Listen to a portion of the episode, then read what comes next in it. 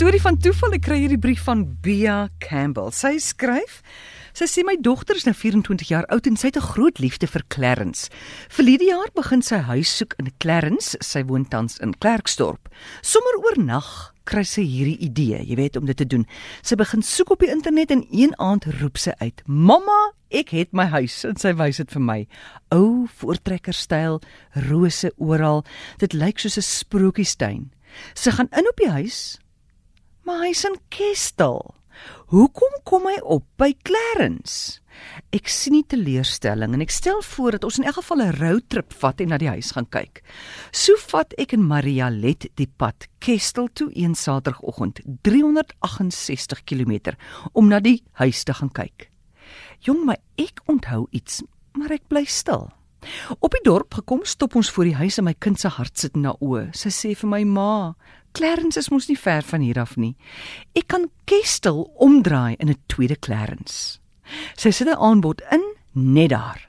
Ons was amper terug in Klerksdorp laatmiddag toe kry sy oproep dat haar aanbod aanvaar is. In Februarie hierdie jaar is haar koop deur.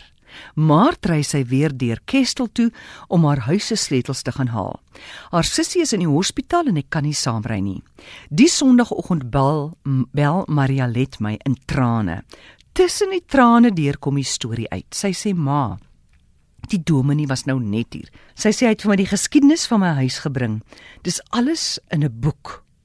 Jong en ek onthou wat ek onthou het, maar ek wag vir die storie. Sy sê: "Ma, Die huis wat ek gekoop is, gekoop het, was my grootoupa grootjie Steven se huis. Bia sê ek en sy huil saam 368 km weg van mekaar en ons weet dat sy bestem was om hierdie huis te koop.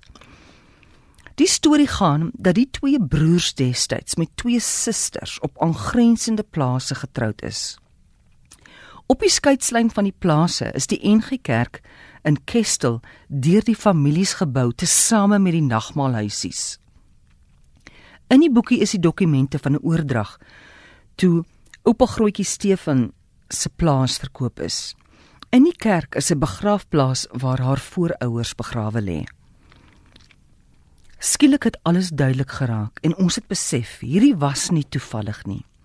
Marialet Mia Kokemoer moes haar voorouers se huis kom koop.